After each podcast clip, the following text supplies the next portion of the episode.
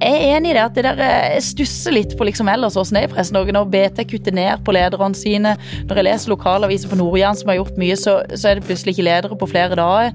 Eh, jeg syns ikke det er noe særlig, altså. fordi at du skal liksom ta den redaktørrollen og bidra eh, med det skråblikket eller den kommentaren om ting som 'dette bør vi ta tak i', og for er vi så dårlige på levekår, f.eks. It's a disgrace. Dominere mediebildet. A failing media. Pile of garbage. Pause. False and fake, fake, fake, fake, fake, fake. Hei, og velkommen til Presspodden. Akkurat nå står jeg rett og slett inne i en garasje og prøver å låse opp en sykkel. For jeg er nemlig på besøk i min hjemby Mandal og skal sykle for å møte dagens gjest i Presspodden. Jeg skal nemlig treffe hun som en ny ansvarlig redaktør Oi sann, nå mista jeg en lås. Hun som er ny ansvarlig redaktør i Lindesnes Avis. Som har rett og slett har eh, sagt opp lektorjobben i Stavanger for å flytte hjem til byen og lede lokalavisa. Jeg er litt sånn spent på hva hun tenker om det ene, å flytte hjem til Mandal, og det andre hvordan man skal jobbe med journalistikk på et lite sted. For i denne byen her så er jo tross alt forholdene så små at jeg kan sykle fra mitt barndomshjem og til der hun bor. Og vi skal få svar på disse spørsmålene straks, men mens jeg bruker tida på å sykle bort, så skal du få en liten reklamepause. Oppland Arbeiderblad søker etter en ambisiøs sportsjournalist. Du må trigges av å vinne den daglige nyhetskampen, men også kunne sette dagsorden med uavhengig, kritisk journalistikk. Les mer om stillingen på stilling.m24.no. Last ned Medier24-appen og bli varslet om de viktigste sakene. Du finner den i AppStore og Google Play. Siri Vikne Pedersen, nå sitter vi ute på balkongen din i ditt eh, nye hus i Mandal. Hvorfor fant du ut at du ville starte i Lindesnes Avis? Hvis vi ser her i dag, da, med dette solskinnet her, så, så er det ikke så veldig vanskelig å flytte hjem til Mandal i dag.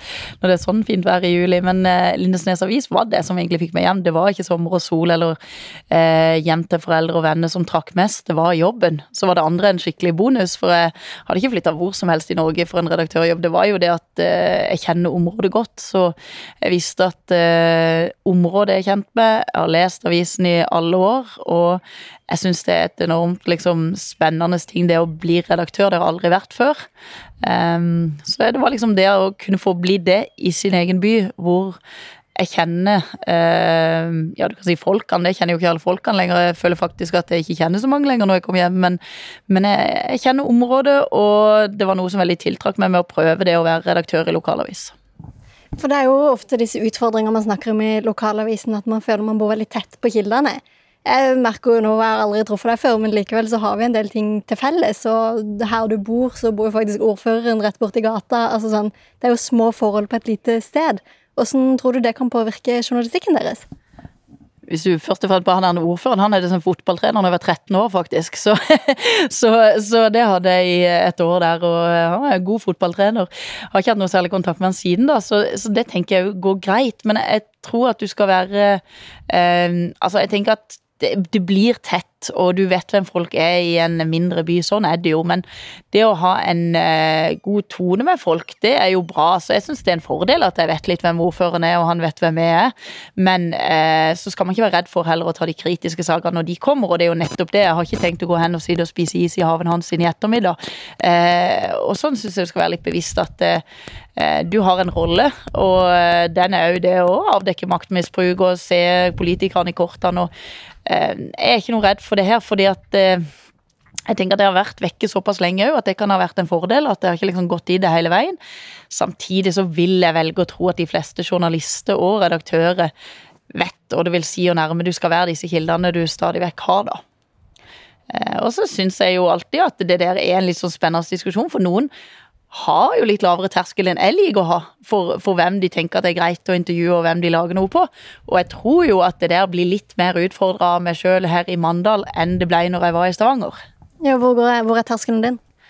Jeg syns jeg er ganske streng, men så, så igjen så er det lokalaviser, det vil dukke opp folk. Men altså, når det blir noen som jeg kjenner godt, eller noe annet, så kommer jeg til å si at det er en nyhetsleder som får ta seg av. her er, dette kan ikke jeg ha noe med å gjøre, det blir for nært. Det er bestevenninna til mamma, eller det er venninne sin far som jeg henger med ukentlig, det, det syns jeg ikke går. Men eh, at du er på heien med dem, at du har gått i parallellklasse med dem på ungdomsskolen og videregående, det er noe helt innafor.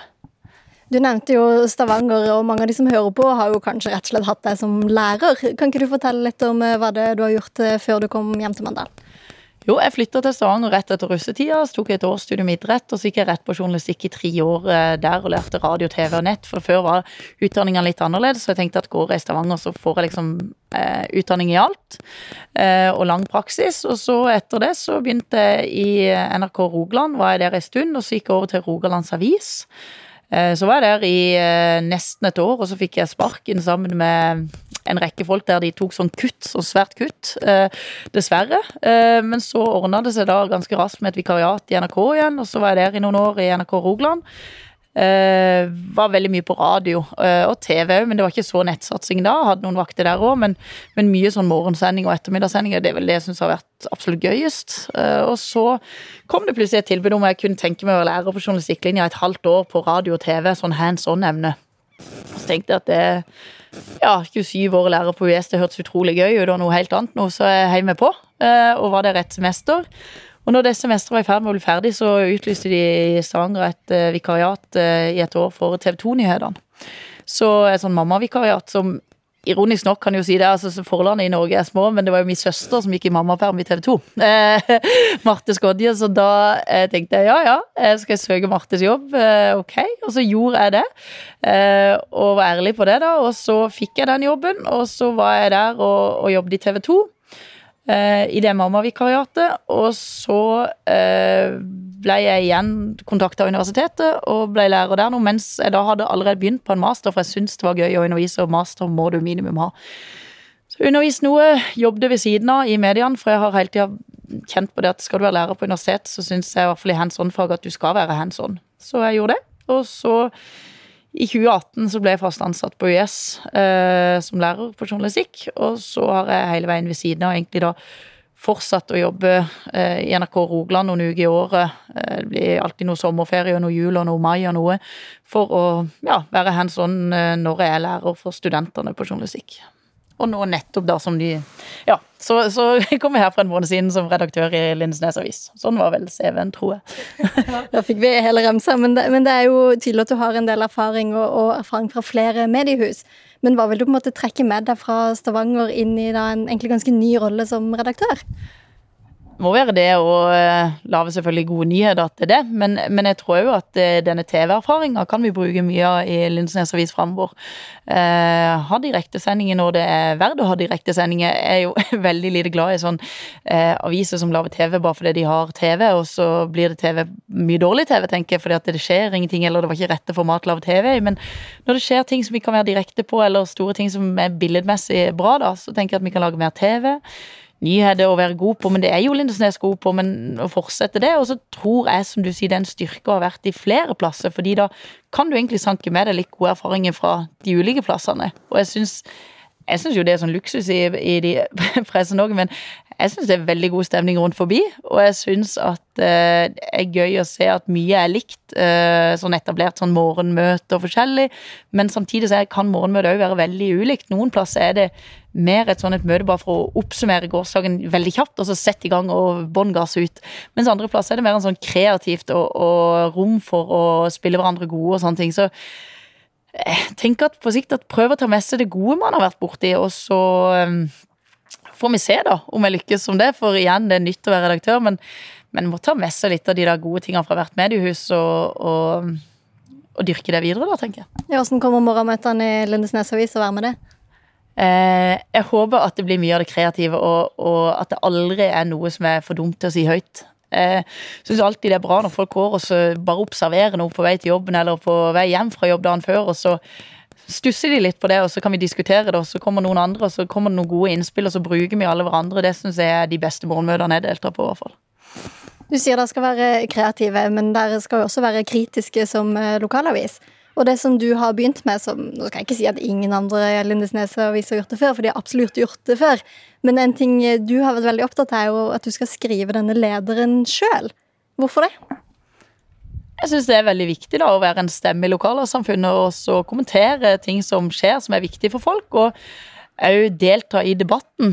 Eh, og så er det nytt for meg å skrive ledere, men det er på en måte en ting som jeg har fått mye tilbakemeldinger før jeg begynte i jobben, at yes, nå skal det bli veldig mye lokale ledere her, Siri, skal det ikke det? Det var liksom det alle sa i påska, sånn som jeg traff på butikken. men jeg er enig i det at det der jeg stusser litt på liksom ellers åssen det er i pressen Når BT kutter ned på lederne sine, når jeg leser lokalaviser på Nord-Jæren som har gjort mye, så, så, er det plutselig ikke ledere på flere dager. Eh, jeg syns ikke det er noe særlig, altså. Fordi at du skal liksom ta den redaktørrollen og bidra eh, med det skråblikket eller den kommentaren om ting som 'dette bør vi ta tak i', får er vi så dårlige på levekår, f.eks. Eh, er det riktig at eh, Sånn som nå på lørdag, så skal jeg skrive en leder om pride i Lindesnes. For eksempel, det skal først arrangeres her for tredje gang. Det er ikke noe lang tradisjon for det i Mandal i det hele tatt. Da vil jeg være en stemme inn og forklare, i hvert fall fra mitt ståsted, hvorfor jeg syns at dette absolutt er noe mange flere bør delta på denne markeringa. Ja, fordi eh, du sier at eh, sånn som BT kutter ned eh, Altså, er det du Det er tydelig at det er viktig for deg, men hvorfor tror du det kuttes i resten av Presse-Norge? Det er vel penger, da. Ikke alt, egentlig bare penger. Kutt, og så effektivisere et eller annet. Og så tenker de ja, dette er ikke så Jeg tipper det er dårlige lesertall, kan man si, på nett. Det kan være mye, men, men kan man måle alt i det, da? Jeg tenker Det vil jo vise seg, da, hvis det, man kutter vekk noe, en viktig stemme og en viktig sånn tyngde man har som avis, eh, og så kutter man den ut. Um, hva gjør det med ryktet til avisen og den uh, posisjonen avisen har da, på sikt? Eh, det er det vel ingen som driver og har noen målinger på, regner jeg med. Eh, så dette er sikkert et kostnadsspørsmål. Det er sikkert òg at det er vanskelig å mene noe hele veien. Det må jeg jo si. Jeg syns jo det. At jeg skal mene noe her tre ganger i uka potensielt, det er jo eh, litt vrient. Du sier det er forskjell Mandal og Stavanger. Det skjer ikke så mye i Mandal at det alltid kanskje er lett å, å mene noe tre ganger i uka. Men, men jeg syns at det er en så viktig jobb at det, det har jeg virkelig tenkt å, å prioritere, da, i hvert fall. Uh, og til nå syns jeg har fått gode tilbakemeldinger på det bare etter en måned. Og, og det har ikke vært noen suverene ledere i det hele tatt. Det er jo nybegynner gamet. Men, men, at det vekker litt engasjement, og at uh, folk ser det og ser at avisen har en posisjon med det, det er jeg helt overbevist om. Vi har jo i Media24 hatt eh, en tematikk rundt det her med hva man kan mene og hva man kan dekke. Da egentlig spesielt for journalister, men også i disse redaktørrollene. Hvor går grensa på hva dere kan skrive om, og hvor hard i klypa du kan være i dine meninger? tenker at Så lenge ikke jeg har vært involvert i og vært ute og dekka dette her som journalist og lagd denne saken, så syns jeg at jeg kan mene ganske mye i den lederen. Det er jo det som er den frie rollen til redaktøren, sånn som jeg ser på den. Men hvis jeg er der ute og dekker og gjør intervjuene, og så skal jeg begynne veien etterpå, da er vi plutselig i et farlig landskap. Og det var sånn som nettopp skjedde på et uh, altså kommunestyremøte, hvor jeg var til egentlig bare for å vært til stede, og så hadde jeg tenkt å skrive en leder, men så plutselig måtte den journalisten rykke på noe. Og da ble jeg sidans igjen, og så måtte jeg dekke som journalist mer i en lokalavis det som skjedde, og det var det jeg hadde tenkt å skrive lederen om. Og da røyk jo hele lederen om det temaet, for å si det sånn. Fordi da var jeg jo mer tett på det enn å kunne si det litt utenifra og ha den distansen jeg mener man skal ha, da. Og når vi snakker om Lindesnes avis, så må vi jo være åpne nok om at jeg har jo jobba der. Jeg begynte jo faktisk min journalistiske karriere i denne avisen, eh, selv om det nå er godt over ti år siden jeg jobba der sjøl. Men åssen har ditt forhold vært til lokalavisen før du fikk jobb der? Det har vært at jeg alltid leser den. Jeg ligger alltid på stuebordet hos mamma og pappa, og jeg tar den alltid opp i ferie. Og jeg leser den på nett eh, i Stavanger, og E-avisen blar jeg som regel jo alltid gjennom. For jeg syns at eh, lokalavisen er jo det som informerer deg og oppdaterer deg om hva som skjer der du er fra. som så er veldig viktig for meg. Men åssen holdt jeg på å si at mitt forhold er sånn rent journalistisk, det har bare vært tror jeg, til sammen fem frilansoppdrag eller noe sånt. min mann jobbet jo i Lindesnes Avis i noen år, og da var jeg faktisk med han hver gang han hadde helgevakt. Nesten når jeg var hjemme, så ble jeg med han på MK-kamp, f.eks. Og så sto jeg og tok bildene, og så skrev han. Men eh, det sto alltid hans navn på alle de bildene òg. Eh, så jeg var, jeg var, bare med og hjalp han litt når det var mye å holde styr på som journalist på fotballkamp eller et eller annet. Når han var ute på noe ulykke. Når vi sov på hytta, så skjedde det plutselig noe ulykke, så var vi ute på det og sånn. Og jeg var sjåfør i båten og sånn. Men jeg har, så du har vært litt undercover-journalist? Jeg, jeg, føler jeg har vært litt i Lindesnes og bidratt til å sende inn noen tips innimellom. Jeg har hatt eh, student ansatte som har jobbet i Lindesnes, og da når jeg oppdager noe, så sender de alltid liksom på Messenger at du, dette her tror jeg det er bør lage noe på. sånn, Så jeg har jo et godt forhold til avisen sånn utenfra at jeg vil at det skal være en god avis, og jeg bidrar hvis jeg vet noe, så sender jeg det inn og melder inn. Men jeg har jo aldri hatt en uh, annet enn et par frilansoppdrag som de har ringt for når jeg har bodd i Stavanger, og så har jeg lest den. Jeg gikk, eh, I morges gikk jeg ut i postkassa hjemme hos eh, min mor for å hente avisen, og så var jeg egentlig litt spent på om det var noe avis der. For han kommer jo ikke ut uh, hver dag. Hvor ofte er det avisen kommer ut her i Mandal? Det er tirsdag, torsdag, lørdag, ja. Og det skal han fortsette med? Ja, det, det, det skal han fortsette med framover tre ganger i uka. Og eh, jeg tenker jo at det er fornuftig for det området vi er. Den eh, antall publiseringer i tråd med området vi dekker, så tror jeg det er en fin miks. For dere har jo nå rundt, eh, eller ikke rundt, dere har over 6000 abonnenter. Eh, når du skal nå være redaktør her, hvor viktig for deg blir det å øke eller holde det konstant? Det blir veldig viktig. Det datt faktisk litt i, i mars pga. vi la om til en helt ny betalingsløsning, så da mista vi litt, fordi folk måtte, alle måtte inn og fornye på ny. Så nå tror jeg faktisk vi er litt under 6000, men vi skal i hvert fall opp der igjen i løpet av året. Og vi har jo litt kampanje på nett nå, at du kan lese oss for ei krone sånn til august og sånn. Så håper jo det får tilbake igjen de vi eventuelt mista i denne betalingsløsningsendringa, da. Eh, men eh, selvfølgelig skal vi beholde de. Vi må være viktige for de, og så må vi jo da gi de et godt nok eh, produkt til at de skal fortsette. Og det kan jo være en sånn Det er jo alltid kjipt da, tenker jeg, hvis en sånn betalingsløsning gjør at du mister folk. ikke sant? Men det kan jo òg være en skikkelig skjerper, da, for at uh, da må vi jobbe hardt for å få de vi eventuelt mister, vise at men det er såpass godt produkt som du går nå glipp av, at det må du bare komme tilbake igjen og betale for. Oppland Arbeiderblad søker etter en ambisiøs sportsjournalist. Du må trygges av å vinne den daglige nyhetskampen, men også kunne sette dagsorden med uavhengig, kritisk journalistikk. Les mer om stillingen på stilling.m24.no. Last ned Medier24-appen og bli varslet om de viktigste sakene. Du finner den i AppStore og Google Play. Det er jo litt sånn standardspørsmål som alle i bransjen sier selvfølgelig er dette viktig, men jeg kommer til å stille spørsmål likevel. Hvor viktig er lokalavisen for eh, lokalsamfunnet? Tenker jo at den er svært viktig, fordi at eh, hvis ikke du leser lokalavisen, så får du jo ikke med deg en hel haug av det som skjer, og da stiller du jo på en måte eh, dårligere i, i, samtale og informasjon, og du vet ikke helt hva som har skjedd eller kommer til å skje, eller hvilke, hvorfor vedtok politikerne dette, hvorfor er det en endring nå med SFO, jeg skjønner ikke. Alt dette her går du jo glipp av hvis ikke du har en lokalavis, og det er veldig viktig, det er jo et lim i lokalsamfunnet. Og så er vi samtidig òg viktig med den loopefunksjonen, den lim og loope, at du, du skal jo òg sørge for at innbyggerne her faktisk får det de har krav på, at ikke det er noe snusk, holdt jeg på å si. Så eh, jeg syns jo det er en ja, svært viktig rolle en lokalavis gjør. Og det er jo òg sånn at eh, man kan tenke at ja, men vi har jo de større, men de større går ikke ned på alle de andre små nivåene som en lokalavis gjør. Vi går jo tett på alle folkene. Vi kan vi kan drive og diskutere de litt mindre tingene òg, som ikke ville fått plass i Feven eller NRK Sørlandet. Ja, hvilke ting er det dere skal diskutere? Jeg har fått tilbakemelding både positivt og negativt. Men altså, eh, vi hadde jo f.eks. helt forside på at eh, det gamle fiskelaget i Mandal, en butikk nede i byen, det ble malt rosa. Og da ble jo folk veldig Ja, noen ble faktisk i harnisk, fordi at det skulle ha vært hvitt. Og det hadde alltid vært hvitt, og det er nærme trehusbebyggelsen, og vi er den hvite byen, eller byen med de hvite trehusene. Folk ble veldig hissige, eh, og da dekker vi jo den, og, og følger den debatten, og kan på en måte oppklare at nei, men det er ikke en del av sona. Det her, faktisk, på det her som denne fiskelag ligger, så kan du male i hvilken farge du har lyst til. Og da skrev jo en leder òg om denne her, eh, malinga denne her som skaper et så sinne, og at det kan jeg faktisk ikke forstå. At vi kan hisse oss så mye opp over to rosa vegger i eh, en isbutikk. Da føler jeg, da har man mye energi. Ja, for det var fiskelaget som nå er blitt isbutikk? Ja, det ble en isbutikk, og da bytta de til to rosa vegger. Tok vekk to hvite vegger, tok to rosa vegger, og det var liksom Folk ble rasende, og noen syntes det var flott. og alt de ser, det Der tror jeg ikke at uh, NRK Sørlandet hadde sendt ut noen reportere og laget sånn voldsomt stor sak på. Så det er lokalavissaken sin. Jeg husker jo sjøl da jeg jobba i, i, lokalavisen for mange år siden, så hadde jeg ansvaret for denne baksida, denne solsiden.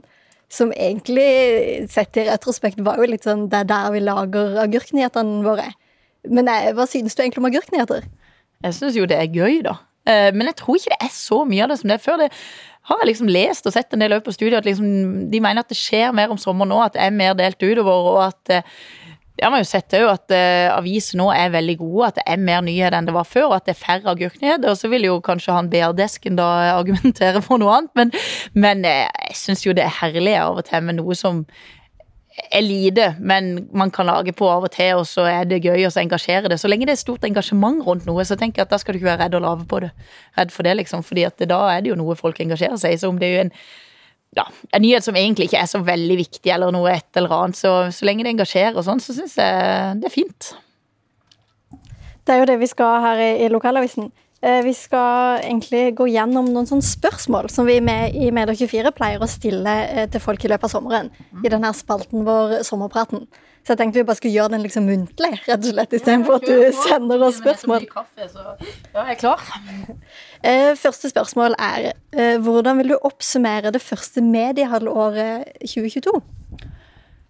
Det jeg har lagt meg mest opp i, og jeg var jo lærer før jeg kom her på journalistikkutdanninga på UiS, er det at det er så utrolig bra marked for eh, nyutdanna journalister. Og andre i bransjen òg. At det er jo tidenes all time high, tenker jeg nesten. At du liksom du får jobb. De har gått et uh, år på studiet og rett inn i sommerjobb, uh, en haug av de. Så det er det som jeg har tenkt at eh, er annerledes enn tidligere. Og så vil det jo selvfølgelig være det første halvåret hvor vi nesten ikke har pandemi. Vi hadde det i starten, så da blir jo dekninga annerledes og går mer tilbake igjen til det vanlige. Og så får du jo denne forferdelige krigen i Ukraina. Så det er vel de tre tingene som har prega mediebildet, i hvert fall. Det første halvåret, tenker jeg. Du sier jo dette med at, eh, at det er mye mer søkeres marked eh, når det gjelder journalistjobber. Og vi, det vi har sett eh, det halvåret her òg, er jo at i Oslo så er det masse masse ledige stillinger ute. Og det er de ellers i landet òg. Mens der alle liksom flokker seg til Oslo, så sliter jo de distriktene med å rekruttere. Hvordan skal dere klare det i Lindesnes Avis? Det blir spennende, og det mener jeg virkelig at det blir utfordrende å finne gode folk hvis vi nå skulle ha utlyst en jobb. Nå er det heldigvis ikke sånn at jeg skal utlyse noe akkurat nå, men eh, når jeg skal utlyse noe på sikt, som sikkert skjer, så, eh, så, tror jeg det er en veldig hard kamp for å få de gode folkene. Men så må jeg si at jeg er jo veldig opptatt av at Lindesnes Avis òg må ha en del lokale journalister. og det hadde jeg håpet at, jeg, at jeg håper at folk etter hvert som har vært i denne Oslo-gryta, Stavanger og andre òg, kommer hjemover, da. Uh, satser på det at de òg tenker at det ser sabla deilig ut med det der solskinnsværet uh, som er, og at de òg kan bli frista til å flytte hjem, for det, at, det ønsker jeg jo òg. Å få inn de, de som kjenner lokalmiljøet? Ja, jeg syns det er en styrke, og en lokalavis bør ha litt av hvert. ikke sant? Bør ha det en styrke å få folk som ikke er fra Mandal til å jobbe i avisen, og så kan se ting med et litt helt annet blikk, da, for å si sånn, og kan komme inn og, og ha en god, solid erfaring fra andre lokalaviser eller noe annet. Eh, men så er det jo en styrke å ha den der miksen og ha noen lokale som er journalister, og som kjenner området kanskje enda bedre og vet historien og eh, vet hvorfor ting har blitt som de har blitt. Så jeg håper at eh, den miksen der er god framover. Vi går videre i spørsmålsremsa her. Eh, og jeg lurer på hva du kaller det. Bruker du ordet betalingsmur? Kaller du det for plussa innhold, eller kaller du det for noe helt annet? Ja, Det var et godt spørsmål. Jeg har egentlig ikke, liksom, er ikke så veldig sånn strategisk kommunikasjon. Jeg bare kaller det betalingsmur. Det har, jeg, det har jeg stått og sagt. Men samtidig så skjønner jeg godt argumentasjonen om at det er plussartikler heller, eller betalingsmur. Men det er jo noe du må betale, og så kommer du inn. Og jeg syns ikke folk vil si da at ok, betalingsmur det er så negativt lada. Men det er en betalingsplass, da, uansett hvordan du vrir og vender på det. Det er jo hele poenget. Du må betale for god journalistikk, og det er i hvert fall ikke imot. Og det er jo det som er deilig, da, at uh, utrolig mange nordmenn ikke er. For de betaler jo velvillig for god journalistikk. Ja, vi er vel best i verden på akkurat det punktet der, faktisk. Da, da, er det ikke så farlig, tenker jeg, om du kaller det det eller det. Men igjen, eh, ikke, det er sikkert lurt å så fortelle om det på en annen måte offentlig når man er redaktør. Det kan diskuteres, men en spade for en spade, tenkte jeg akkurat nå, i hvert fall. Nå har jo egentlig jeg, jeg håper å kapra sommerferien din. Jeg kommer på besøk her når du egentlig har fri. Eh, og neste spørsmål her er jo rett og slett eh, hva er den perfekte sommerferien? Sånn som i dag. Eh, har... at, jeg, at, jeg, er på besøk? Ja, det, det, var akkurat det jeg tenkte på. Mest mulig sånn podkastbesøk. Da er jeg i mitt ess. Nei, jeg tenkte faktisk på det at eh, sommer og sol i Mandal, du er bare på terrassen og i haven. Og når du har små barn, så er det ikke noe vits å styre og dra til Dyreparken eller dra masse plasser. Du kan ha et lite basseng og en eh, vannspreder, og det er sol og sommer, så kan jeg drikke kaffe og spise en is, så det er mer enn nok. Eh, og kan jeg få inn noen turer på hytta på sjøen i tillegg, så ja, så er jeg superfornøyd. Hvilke medievaner er det du tar med deg på ferie? Altfor mange. ja, det, det syns jeg faktisk at det tar lang tid å koble av. Sånn som denne ferien ble veldig kort. Det er en veldig dårlig idé å bytte jobb 1.6. Det må bare si. Det må du aldri finne på. Da får du liksom trekk i ferien sist i køa, så da var det to uker. Eh, og derfor så syns jeg at to uker er litt for kort, for du får nesten ikke helt landa. For jeg er liksom, jeg våkner opp, sjekker mailen, sjekker Twitter, politiet, hva er det som har skjedd? Det liksom bare ligger inn med den der, det første jeg gjør, morgenrutine, er aller først må jeg si, så våkner jeg jo alltid et barn. da, så Vi står opp, og så henter vi alltid eh, noe blåbær biolamelk, og så går vi og setter oss ned, og så begynner hun lille å pusle med et eller annet og dille rundt, og da sjekker jeg som regel gjennom et par ting. Uh, og sånn er jeg egentlig fæl på. Jeg sjekker mye nyheter hele veien. Og uh, når jeg går til jobb og sånn, alltid hørt på alltid hørt på NRK Rogalands i morgensending. Nå er det NRK Sørlandets i morgensending for å være oppdatert her. Og så veldig glad i de nyhetene som går på NRK Riks mellom 7.30 og 7.40, for da får du liksom de viktigste ti minuttene. Eh, og så, Sånn gjør jeg egentlig selv om det er nå ferie, for jeg har små barn og jeg våkner klokka ti over seks uansett. Så, så rekker jeg å oppdatere meg fram til åtte, føler jeg, på litt ting, og så liker jeg å lese. Men det eneste som er kanskje forskjellen, er at du er jo ikke oppe i det produktive, eller sånn, så du eh, kan kanskje sette deg ned og slappe av med litt mer sånn at du leser lengre artikler. Du kan gå og faktisk, Jeg tar meg selv og kjøper papiravis når jeg har ferie, og setter meg ned og koser meg, liksom. Men eh, jeg tror de fleste som er journalister, jeg tror ikke det er noe unikt, jeg tror de fleste er ganske påkobla er jo interessert i nyheter. Sånn er det jo. Så eh, bruker nok mye mer tid enn man skulle på mobilen. Jeg har slått av sånn der ukesrapport for lenge siden. Jeg orka ikke se på det. Ja, hvor mye tid du bruker på skjermen? Nei, det, var, det, var, det, var, det, var, ikke bra. Så eh, etter hvert så ble det bare sånn eh, deprimerende rapport til forhold, så jeg måtte bare slå det av og få det vekk. Vil ikke vite. Vil ikke vite. Uh, en ting som vi har litt lyst til å vite i denne spalten her, er jo rett og slett uh, hva er den største tabben du har gjort uh, på jobb? Oi. jeg har gjort flere. det har jeg, og det er jo kjekt og mindre kjekt, men den største eh, Jeg kan heller si den en som i hvert fall mine søsken ler av meg den dag i dag. Når jeg var i praksis i Jærbladet, så meldte jeg meg veldig sånn som jeg syns praksisstudenter skal, som sier ja til alt, og ja, jeg er ledig når jeg er ledig, og være en sånn ja-person. Og så hadde jeg gjort ferdig saken min, og så sier de sånn ja, vi trenger noe til baksida, det er sånn kaninmesse som skal skje ut i helga. Så kan du dra ut og møte han som arrangerer den, han har noen kaniner, så kan du lage liksom en forhånds på at det er kaninmesse, som er en større ting på Jæren. Og så tenkte jeg ja vel. Ok, og, og, helt ærlig så er jeg ikke så god med dyr. Jeg kan ikke så mye om dyr, og jeg er liksom ikke engasjert meg så mye, så jeg visste ikke hva jeg skulle spørre så veldig om med kaniner. Og så kom jeg for lyd, og så hei, hei, Siri 21 år der, og spør litt hvordan, når skal det arrangeres, og hva skal det være? Og så plutselig går jeg tom for spørsmål, for jeg ja, kom litt til kort på kaninmesse, hva skal man si? Og så sier jeg ja vel, så du har fem kaniner, så du har bare jente, du. Og sier han hva? Sier ja, hare og kanin, er det ikke liksom gutt og jente? Eh, og, og da, da, ble han paff. Eh, og, og, det hadde jeg trodd hele mitt liv, at det var sånn det var, liksom. Og da ble jeg bedt om sitatsjekk på et kaninarrangement, og det tror jeg de færreste Det, det blir de ikke. Og, de stolte ikke helt på at du hadde fakta? Eh, ja, det var ikke mye han stolte på etter det, og det forstår jeg godt. Og da når jeg kom hjem, så måtte jeg bare le sjøl til jævla og si at eh, ja, ja, det er i hvert fall sendt ut ei her nå som uh, har lært litt om dyreriket på veien. Uh, og det er noe jeg har blitt huska for i Rogaland av mange uh, siden, for det spredte seg da. Så harer og kaniner, det er liksom noe Jeg kan le av i hvert fall at det var en liten blemme å gjøre det der. Men det var jo igjen, ja, jeg holdt på å si en, en mindre farlig ting å gjøre det, i hvert fall enn en mye annet. Og jeg tenker at eh, etiske, sånn mer kjipe ting, det har jeg òg vært borti. Og det, det eneste som er bra med det, å være borti etisk sånn i grenseland-ting eller noen ting, er at du i hvert fall lærer mye av det. Eh, for det har jeg tenkt etterpå, at jeg garantert intervjua en gang ei mor i sjokk og eh, sendte på TV altfor tidlig. Rett etter en hendelse hvor det gikk godt, men eh, det var like før det ikke gikk godt med hans sønn sin. Og det, det er sånn jeg tenker at det, Hvorfor var jeg liksom så kjapp på ballen? Hvorfor skulle jeg ha henne? Ja, hun var det beste case, og sånn, men det, det, var ikke bra vurdert liksom i det hele tatt. Men det har jeg jo fått en erfaring fra, da. Så eh, Noen kjipe ting og noen sånn surrete ting har jeg gjort, men eh, ja, oppsummeres vel der, da. Når vi skal trøste oss med at uh, Sara Sørheim i Skipsted også har hatt sin blemme fra dyreriket. Nei, det var i Aftenpodden her en gang, så hadde, hun, så hadde det kommet frem da, at hun visste ikke helt forskjellen på rumpetroll og frosker.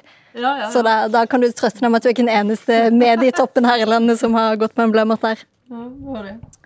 Men uh, vårt siste spørsmål, som jeg egentlig tenker er litt sånn fint å runde av med, siden du tross alt har erfaring fra å være journalistlærer, Hva er ditt beste råd til unge journalister?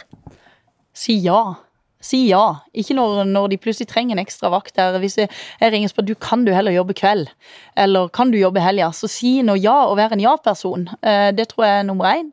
Eh, vær nysgjerrig og, og, tør å spørre høyt om ting, og liksom kom med ideene dine. Og tenk at det du har å bidra med, er et godt bidrag, og ikke bare liksom gå inn der og tenke at eh, nei, han her eh, mannlige redaktøren min på 55 han er sikkert mest interessert i det, så jeg skal lage nyheter som treffer det. Det, det er helt feilslått. Lav ting som du har å komme med, som er liksom Er du veldig god innenfor eh, en sportsgren eller en kultursjanger eller noe, så, så bruk det.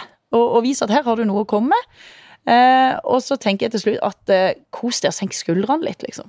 Ha det gøy. For jeg tror hvis du har det gøy og kjekt og, og kjenner på at eh, her kan jeg være litt kreativ, og jeg lager den radioreportasjen sånn heller, jeg begynner litt annerledes. Jeg begynner ikke med den typiske Apis-modellen eller hele veien gjør alt det som alltid blir gjort. Så tror jeg at du òg blir lagt merke til. For du tør liksom noe. Så det vil jeg si er topp tre råd. Topp tre råd. Da takker vi for de, og tusen takk for at du var med i Pressepodden i denne episoden her. Jo, takk. Jeg føler meg helt sånn svett og at jeg bare prata i ett, men, men, det var kjekt å høre med. men nå, nå, sitter vi i sola, så det kan jo være litt derfor òg. Mitt navn i denne podkasten er iallfall Kristine Sterud. Ansvarlig redaktør i Medier24 i sommer er Jan Magnus Weiberg Eirdal. Sebastian Manrikes teknisk ansvarlig. Vi høres igjen om en episode om en uke til. Takk for nå.